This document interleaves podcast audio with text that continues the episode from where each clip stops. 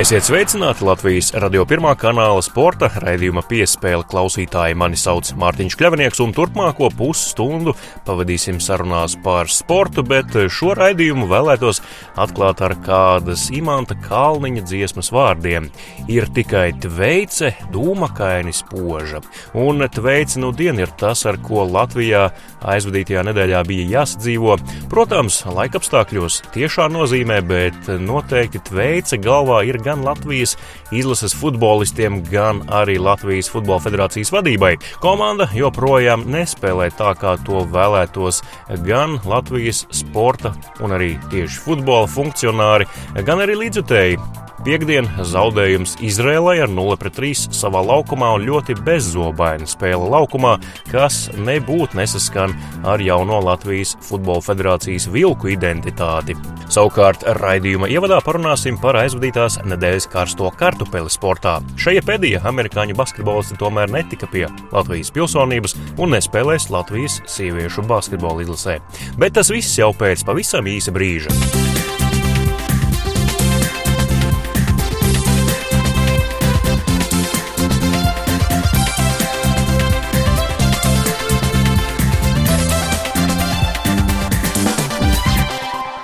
Skan sporta raidījums piespēle. Studijā esmu es Mārtiņš Kļavnieks un ķeramies klāt eh, šīs dienas raidījuma tematiem. Proti šajā nedēļā saimā bija paredzēts balsojums par to piešķirt vai nepiešķirt amerikāņu basketbolistei šajai pēdējai Latvijas pilsonību, lai viņa varētu papildināt sieviešu basketbola izlases kandidāšu rindas un iespējams arī piedalīties Eiropas čempionātā Rīgā jūnija nogalē. Tomēr līdz saimai nemaz šis jautājums nenonāca, jo atbildīgā komisija pirms pirms tam to izvērtēja un vienojās, ka tas tomēr nav atbalstāms. Redījuma turpinājumā sarunāšos ar Saimas sporta apakškomisijas priekšsēdētāju Sandru Rieksniņu no jaunās konservatīvās partijas, un viņš skaidros gan to, kā redz situāciju ap Latvijas basketbola savienības mēģinājumiem tomēr tikt pie čempionātam trūkstošās naudas no valsts, kā arī to, kāpēc tad nebūtu pareizi šajai pēdējai šobrīd piešķirt Latvijas pilsonību. Pirmkārt, sāksim no pašiem pamatiem, jo kas gan nav basketbola savienība, bet uh, idejā tā nauda. Nu, tas mehānisms, kāds ir šobrīd, kad iet katru reizi kaut ko tur prasa, lūdzās, nu, viņš startā jau ir nepareizi, un to, tas jau ir jāmaina saknē. Sāksim ar to. Ja runājam tieši par basketbolu, tad jā, es esmu jau divreiz sanāk, jā, runājis ar Savienību par šo tēmu. Ja tad pirmā reize eh, bija tas, ka Rīgas doma nedod naudu, ja, un tur vēl, vēl, vēl tās izmaksas, un bija tie 200 rastīti, es neapceros precīzi, tie tūkstoši, ko prasīja. Kas tika spriests eh, arī dot, nedot, cik dot, gājām cauri tāmēm, citu tāmes, ko man solīja, tā arī neatsūtīja mēneša laikā, tas tā, ja garām ejot. Lūk, tad parādījās ziņa, ko starp citu paši viņi teica, ka tomēr Rīgas domē viņiem 100 tūkstošus dos, nevis tos 25. Plus ir atlaide no starptautiskās, laikam, bija 68,000. Ja? Precīzi, nu, ja mēs tagad saskaitām 75 plus 68, ir jau 140 ar kaut ko. Tad kāpēc tiek uzturēta prasība pēc 200 tūkstošiem, ja it kā paši ir pateikuši, ka nu, ir jau šis te Līdz ar to man mazliet uh, nepatīk tas veids, stils un tas, kā tas tiek pasniegts. Viss, ja. Ministrija ir izvērtējusi, ir Nacionālā sporta padomē arī tika pateikts lēmums, pie kam es zinu, ka Basketbola Savienībai savā kontā esot pusmiljonus, ko viņi nopelnīja pēc pagājušā vīriešu čempionāta. Nu, šī ir tāda mazliet šantāža. Ir pieraduši, ka šī schēma strādā, šoreiz nenostrādāja, vai, vai, vai cik slikta ir valdība un ministrija. Paskatāmies spogulī. Vai jūs kaut kādā veidā arī bijāt procesā par šīs pēdējās naturalizāciju saistībā ar Latvijas izlasi? Es nebiju procesā, jo tur ir atbildīgā komisija, un es neesmu šīs komisijas sastāvā. Mēs izrunājām frakcijā. Es frakcijā paudu to savu redzējumu, kas notiek vienā vai otrā gadījumā.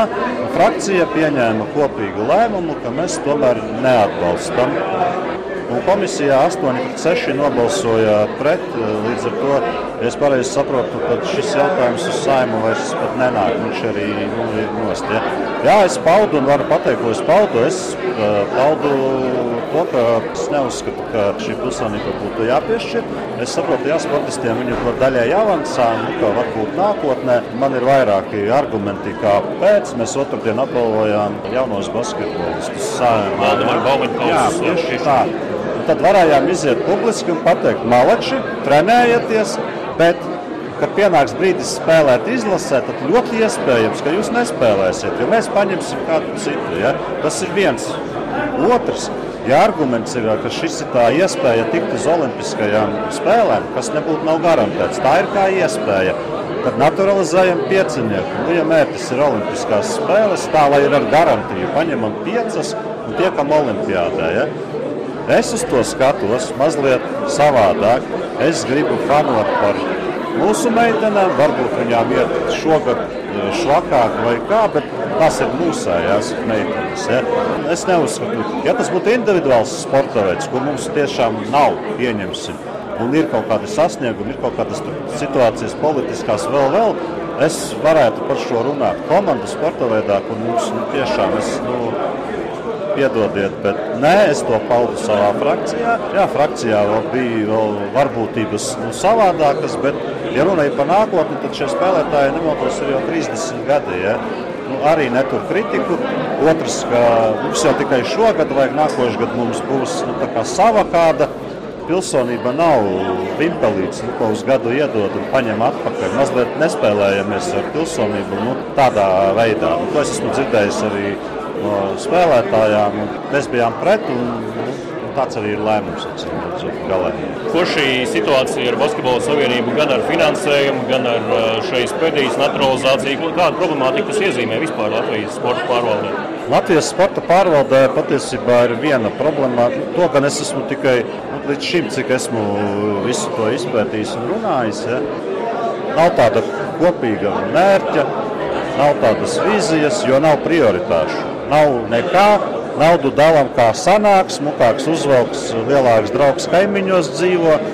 Pa, vieni pa vienām durvīm, otri pa otrām, trešie pa trešiem.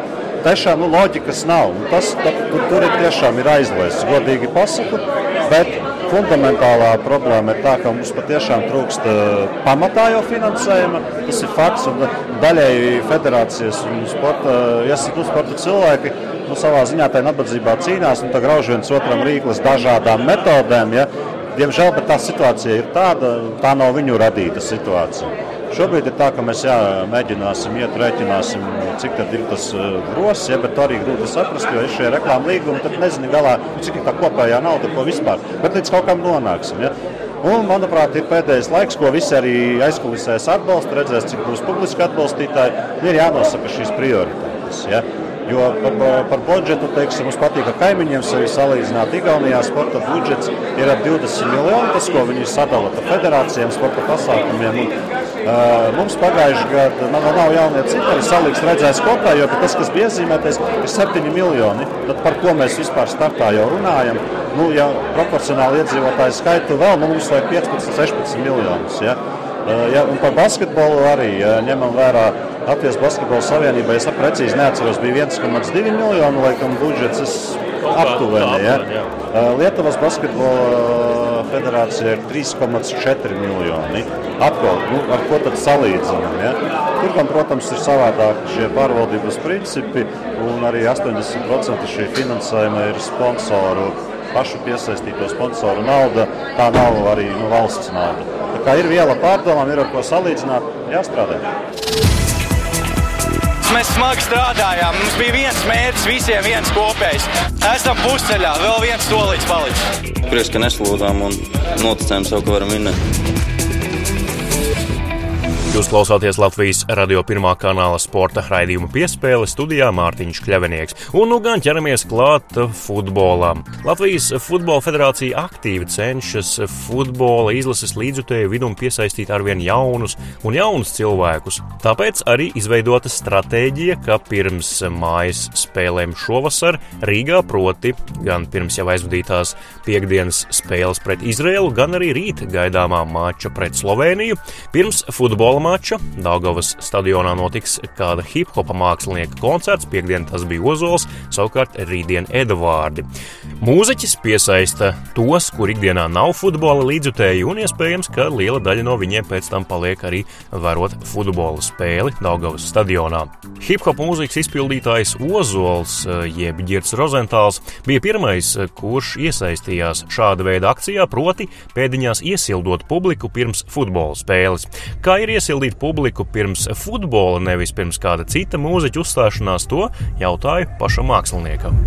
Girts Rozentāls, eh, varbūt plašākajai publikai zināms kā Ozols, sarunāja sporta raidījumu piespēlē. Girt, eh, kas ir grūtāk? Eh, nezinu, boks, pēc boks treniņa vai pēc šāda koncerta šādos laikapstākļos attelpoties, atjaunoties? Ziņā, šeit ir kā to arī kaut kā, nu, principā, baigi līdzīgi, kā es teikšu godīgi, tā arī šī matemātika ir, jo Kad boxā maus to arī skaties pa laikam uz to pulksteni vai prāsi, cik ir pulkstenis. Un tā tālāk, un šeit baigi līdzīgi. Tu arī apzināties, cik vēl tev ir palicis laiks tas tam koncertam, cik viņš ir garš. Un, ja tu tagad tajā vienā trekā baigi ilgsies vienā dziesmā, to varētu neizvilkt visu to koncertu. Un, man liekas, ka boxā patiesībā ir diezgan līdzīgi. Ja tu gribēsi pirmā vai otrā raundā baigi ielikties, man liekas, līdz galam var arī nenoturēties. Un, principā, visu laiku ir tā, ar, nu, tā kā gribās atdot enerģiju skatītājiem, bet jāapzinās to, ka ir šis, šis kā saka, nav pēdējais mirklis, nav pēdējais brīdis. Un, ir vienmēr bijis tāda, uh, kā saka, veselīgs, vesel, veselīga matemātika visā tajā arī. Nu, mūzikas pasaules pārstāvjiem nav nekas jauns iesildīt kādu citu mākslinieku pirms lielā koncerta. Nu, tev šodien sanāca iesildīt futbola izlasi. Kā tas ir? Tas ir kaut kā citādāk. Tas man ir citādāk, jā, jo cilvēki var tomēr atnākuši uz sporta spēlēm, uz futbolu. Un, e, es nezināju, protams, ko gaidīt no, no apmeklētājiem un kā vispār būs viss. Bet, paldies Dievam, laiks šodien brīnišķīgs beigās izvērties. Un, e, arī cilvēki bija pozitīvi noskaņoti, nāca pretī un klausījās. Protams, ka tā bija kaut kāda tikai daļa no apmeklētājiem. Bet, e, Mācās, ka šī ir fana zona un uh, viss šī ideja, kas ir radusies, ja nemaldos, šī pirmo reizi praktizēt šādu lietu, vai ne? Tad uh, man liekas, ka izskatās, ka viņi ir uh, dzīvot spējīgi un uh, apsveicu apsveicu, kā saka Latvijas Futbola Federācija ar šo ideju un uh, prieks būt vienam no pirmatklājiem šādam procesam. Tu paliksi arī uz futbola spēli? Es domāju, ka jā. Es domāju, ka jā. Kādas ir tavas attiecības ikdienā ar futbolu? Tu skaties lielo futbolu, čempionu līniju, kaut ko zemāku? Man ir, man ir daži saka, draugi, kas nodarbojas ar futbolu. Es zinu, ka arī Geto Games, Čālijā organizē šo ielu futbola mačus un Grīziņkalnā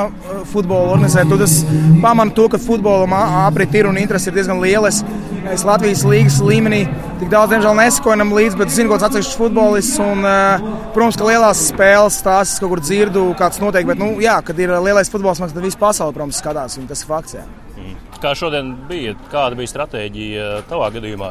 Tas sauktais setlists, jeb dziesmu saraksts, kā tas bija jāizkārto. Tu jau arī sākumā minēji, ka vajag kaut kādu brīdi, kad pašam atpūsties, droši vien mierīgāk, pēc tam straujāka dziesma, tāda, tāda amplitūda. Tā arī principā tas ir, ja tev ir ļoti aktīva dziesma un tas viņā daudz atdevis iekšā enerģiju, tad tev noteikti vajag bišķiņ pēc tam atelpoties. Un principā līdzīgi arī šodien darījām, bet uz beigām paņēmām pāris traks enerģisks un uzreiz jutām, kad varbūt tās vajadzēja pa vidu kaut ko bišķiņ pamainīt stratēģijā. Bet, nu, pa lielam viss forši, viss labi un cilvēki mūs uzņēma pozitīvi, un tas jau pats galvenais.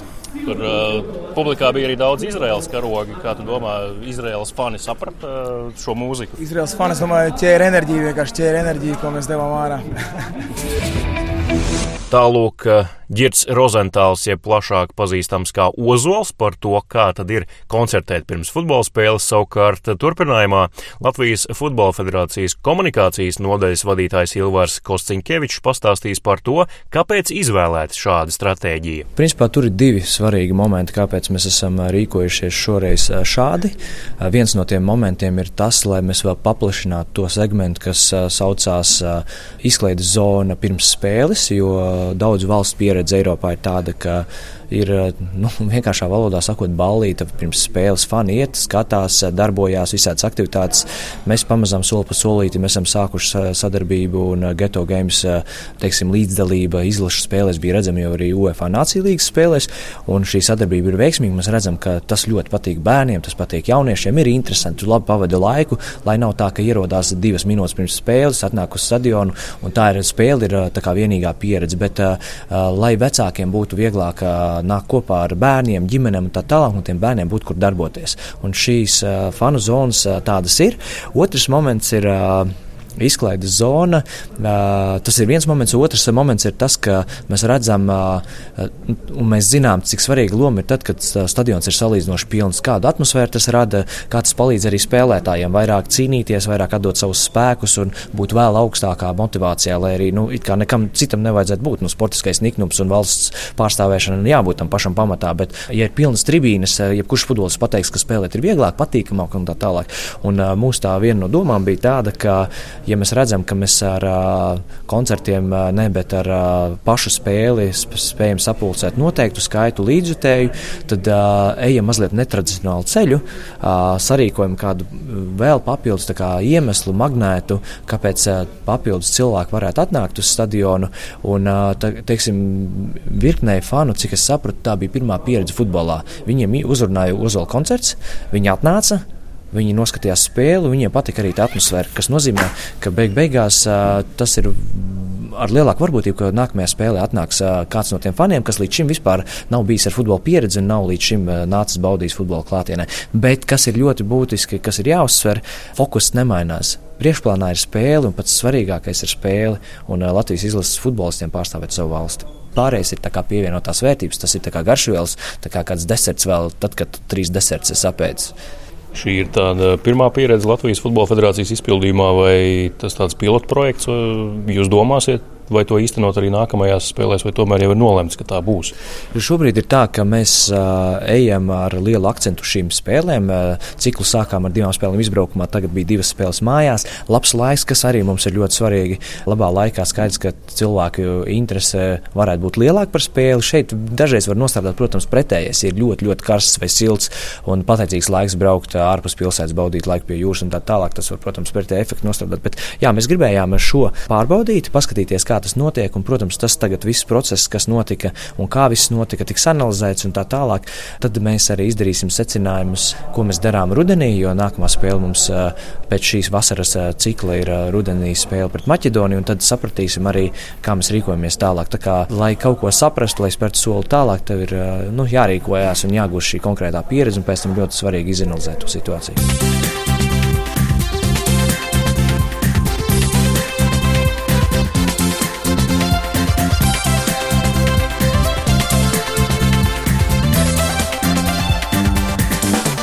Jūs klausāties Latvijas radio pirmā kanāla sporta raidījumu piespēle studijā Mārtiņš Kļavinieks un turpinājumā turpināsim runāt par futbolu un sarunāsimies ar futbolistu Vladimiru Kamešu, kuram aizvadītā sezona noteikti bija spilgtu iespaidu pilna. Viņš pārstāvēja Habarovskas klubu Krievijas pēcspēku otrajā līgā, kas ir ļoti, ļoti tālu no mājām. Vladimirs Kamešs, Vladimir, pirmkārt, liels prieks tevi atkal redzēt izlases rindās. Sveiki, sveiki. Paldies. Man arī prieks būt šeit.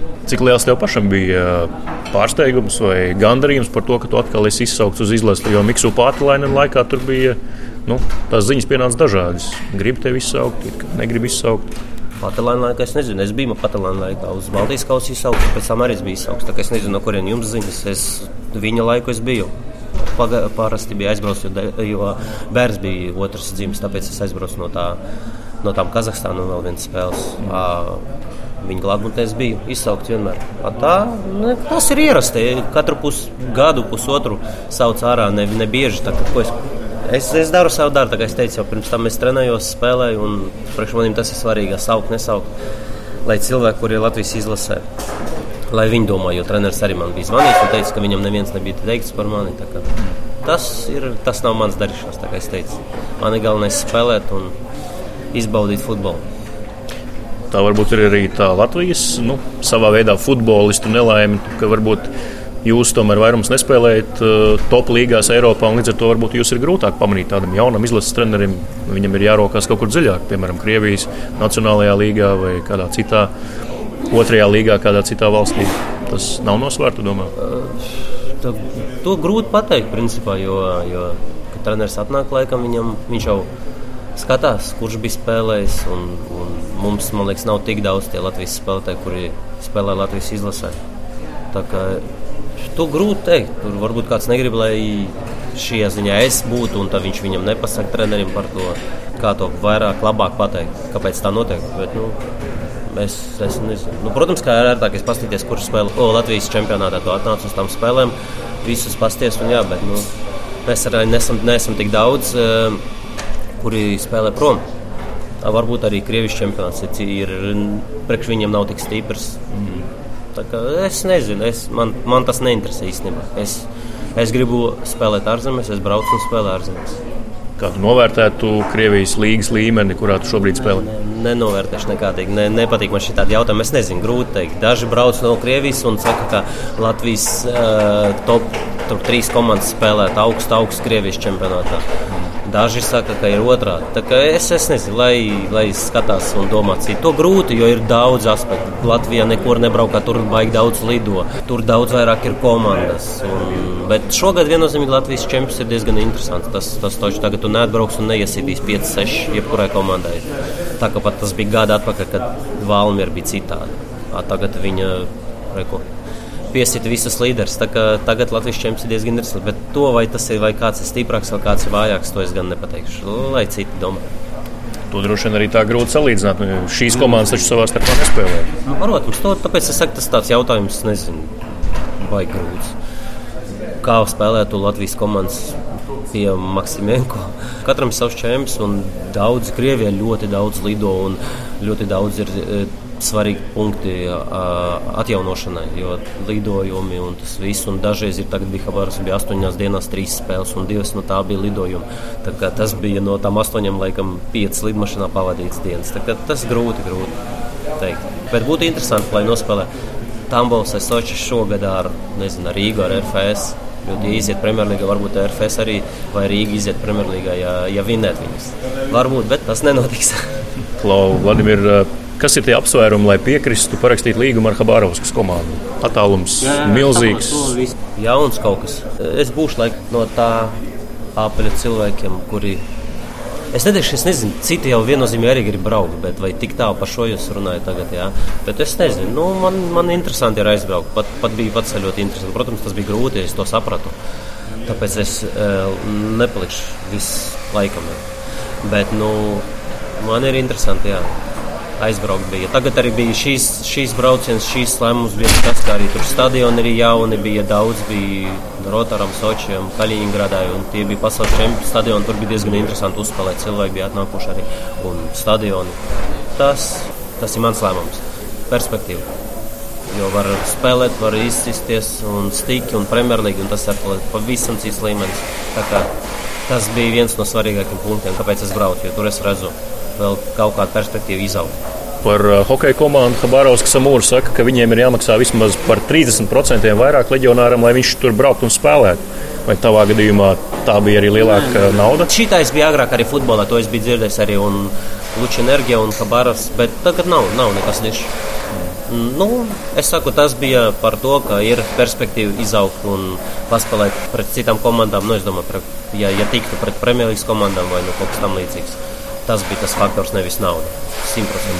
Tie Latvijas sportisti, kur piemēram Habārovskā ir spēlējuši hokeja, Mārtiņš Cipuls vai Vladivostakā, tas ir bijis Oskars Bārtuls un arī basketbolā tas ir bijis eh, viens no mūsu basketbolistiem.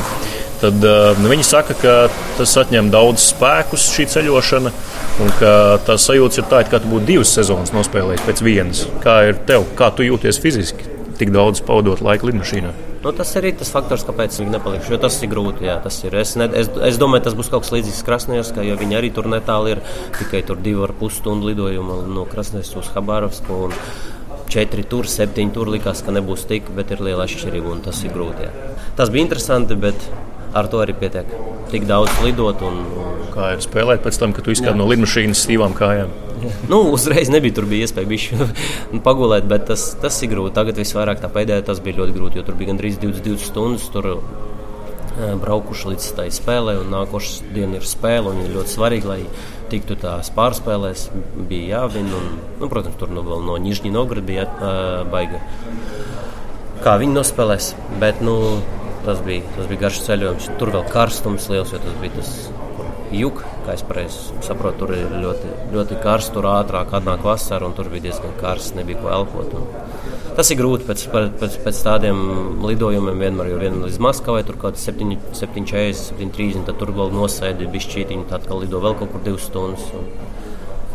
Neteikšu, ka tur bija tāds, tāds kaut kāds miroņa tādā sajūšana, bet, nē, bet nu, ātrāk nogursti vai korekti jāskatās savam organismam, lai viņš izguļās, lai viņš visu kaut kādas procedūras, kuras vienmēr jātaisa. Kā tur ir ar avio transportu?